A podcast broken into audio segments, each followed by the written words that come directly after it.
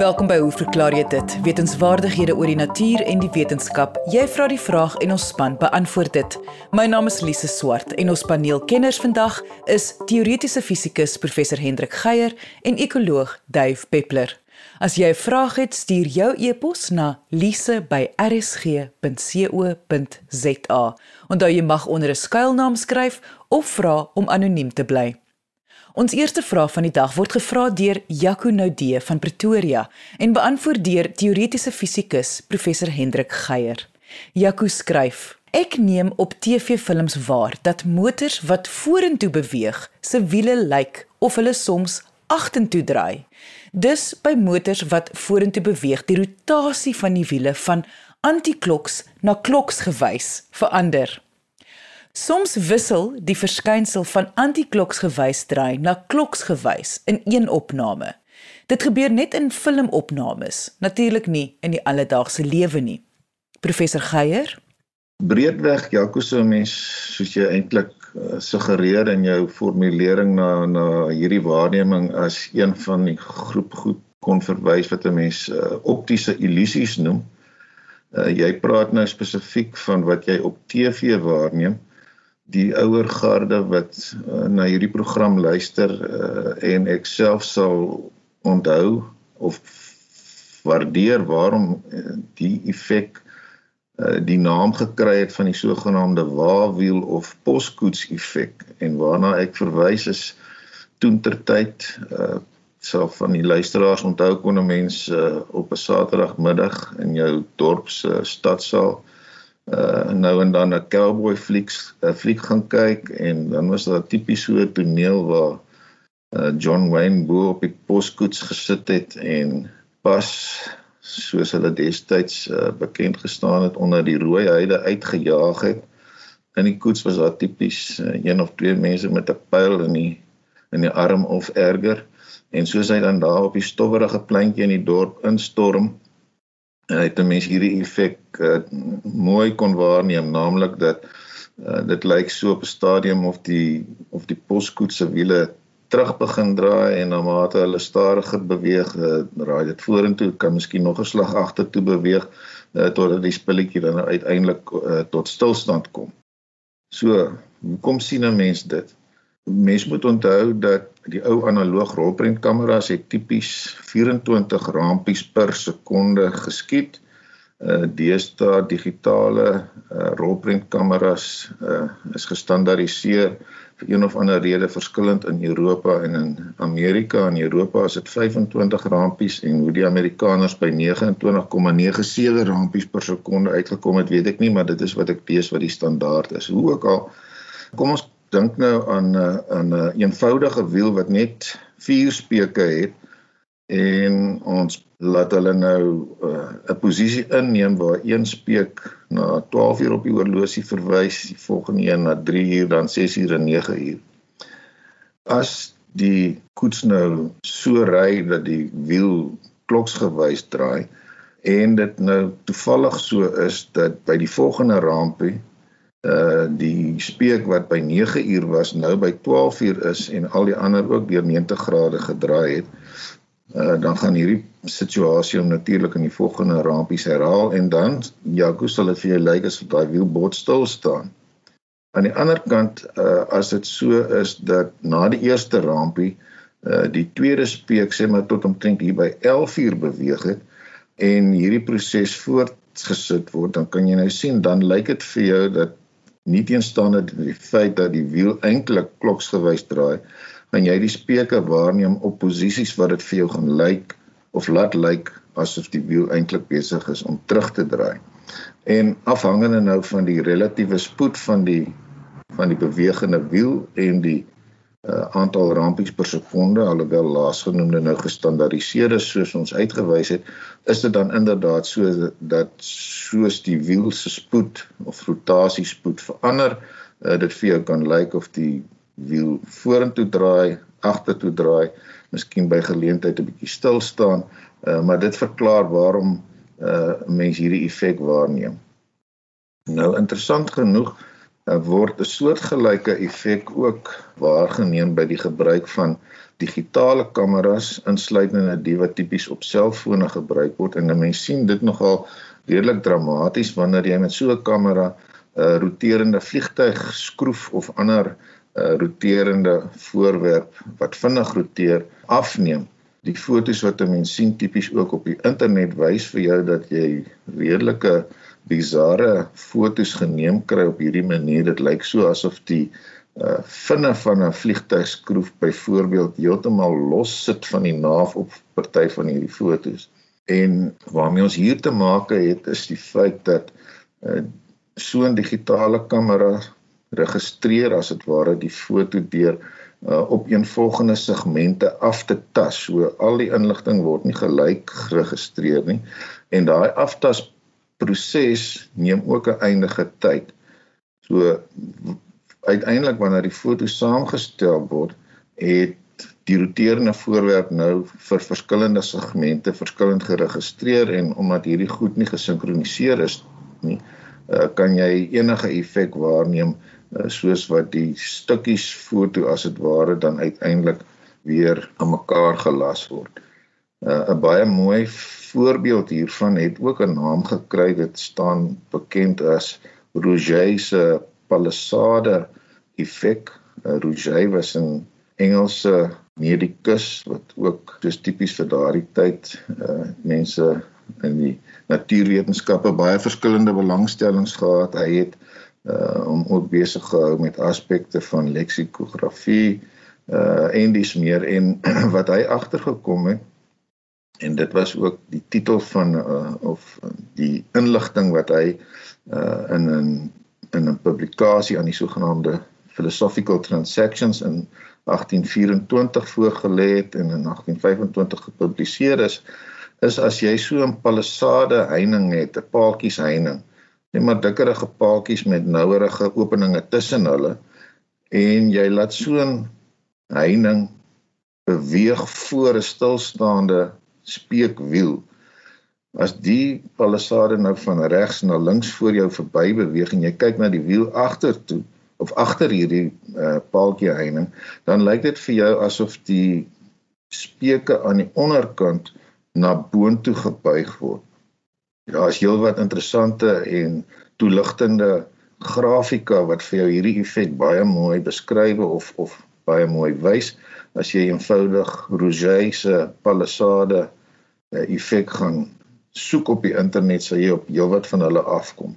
So al hierdie goed het te maak daarmee dat daar 'n eindige tyd uh, verloop tussen op eenvolgende episodes wat jou oog dan uiteindelik uh, registreer en uh, op 'n manier dan aan mekaar las om die effek mee te bring waarna ons pas verwys het as die sogenaamde poskoets of uh, waarwiel effek. Jy luister nou hoe verklaar jy dit? My naam is Lise Swart en ons gaste vandag is teoretiese fisikus professor Hendrik Geier en ekoloog Duif Peppler. Ons volgende vraag van die dag word gevra deur Kobus uit Klebega en beantwoord deur ekoloog Duif Peppler. Kobus vra: Vra asseblief vir Dave Peppler om vir ons die voordele of nadele van sogenaamde voorbrande in die Kreur Wildtuin te verduidelik. Ons was in Mei daar en sover ons gery het, was dit gebrand of besig om te brand. En ek maak geen sin daaruit nie.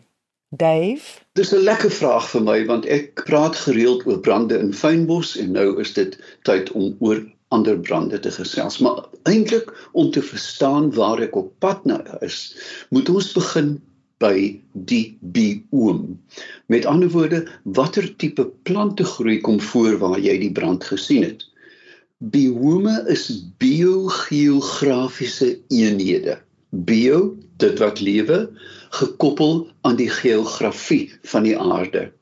Hierdie biologiese gemeenskappe deel een ding en dit is die klimaat. Hoeveel reën daar val, hoe warm of koud dit is en wanneer hierdie reën val.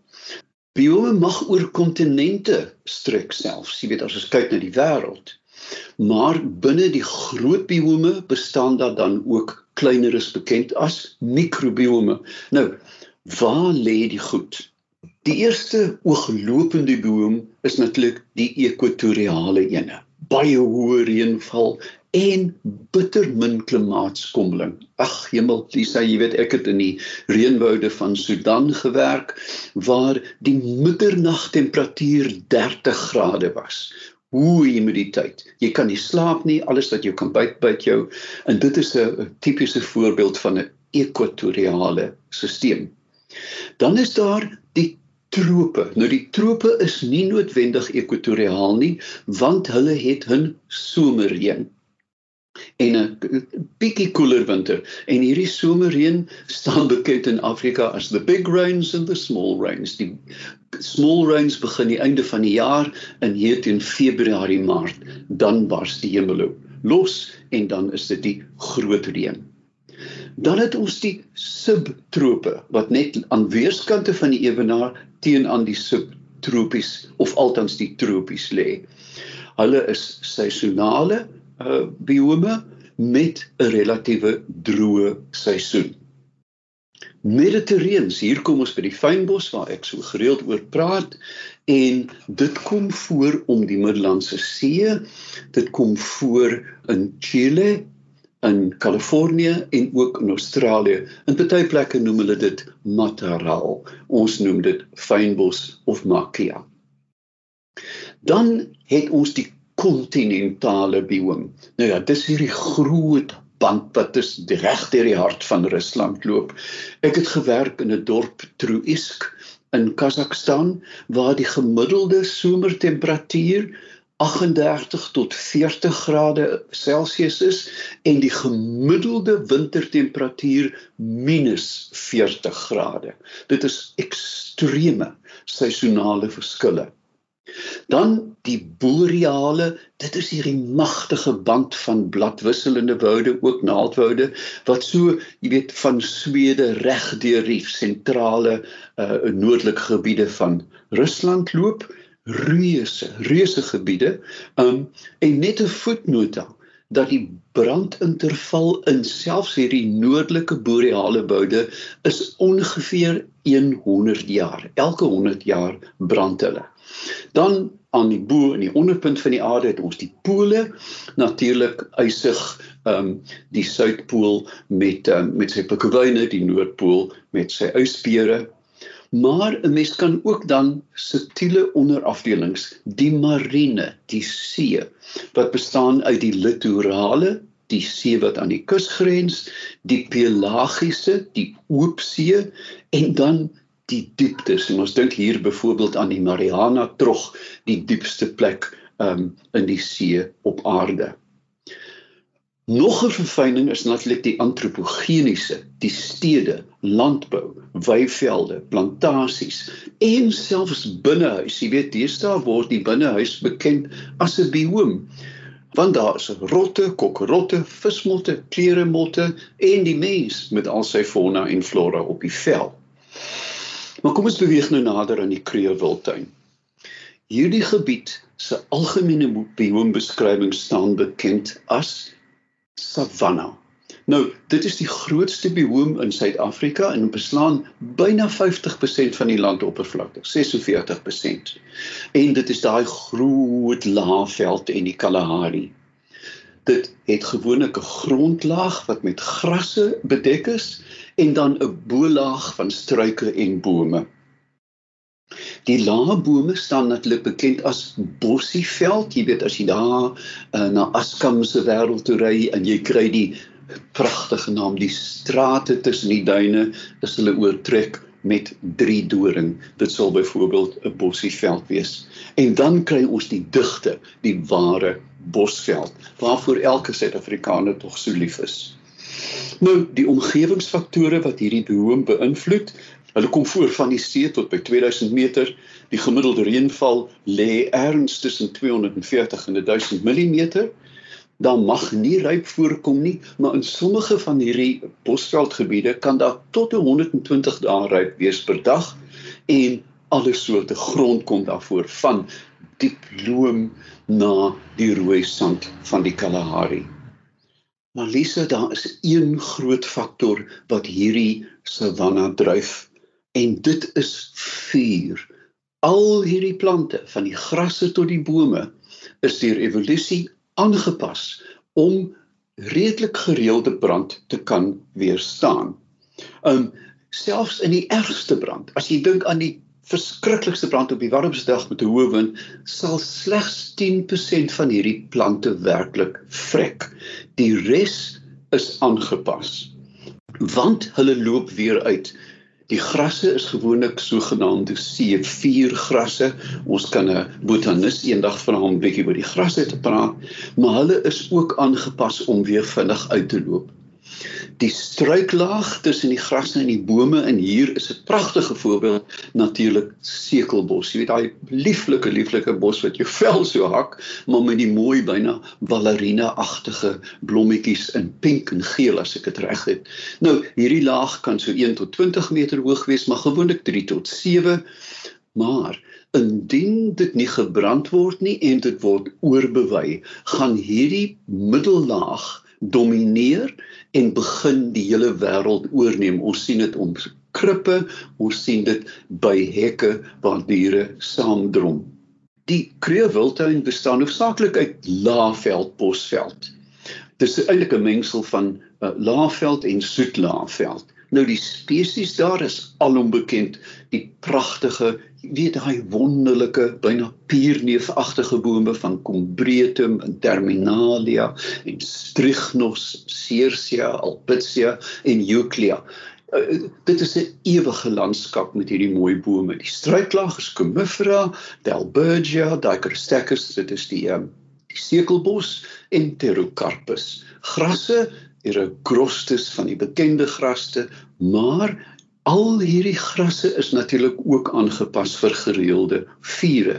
In die soetlaafveld het ons marula, knoppiesdoring, pterocarpus en albizia.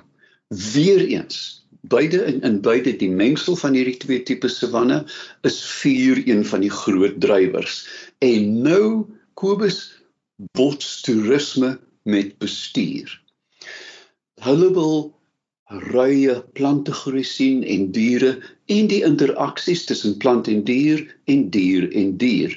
En as dit kaal gebrand is, lyk dit aaklig en meeste diere wyk weg.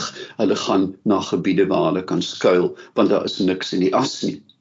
Nou, um, veral teen paaie is dit baie belangrik om 'n mate van 'n landskap te behou Maar ons moet onthou dat hierdie savanna, soos die fynbos, moet brand. Fynbos brand in die orde van 15 tot 20 jaar, maar die savanna optimaal brand elke 3 tot 5 jaar.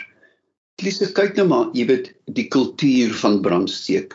Die Natalse Middellande um, lyk baie dae van die jaar soos roet elke stukkie aarde brand elke jaar en dit is natuurlik verkeerd want sekere plante begin domineer um, en ander verdwyn.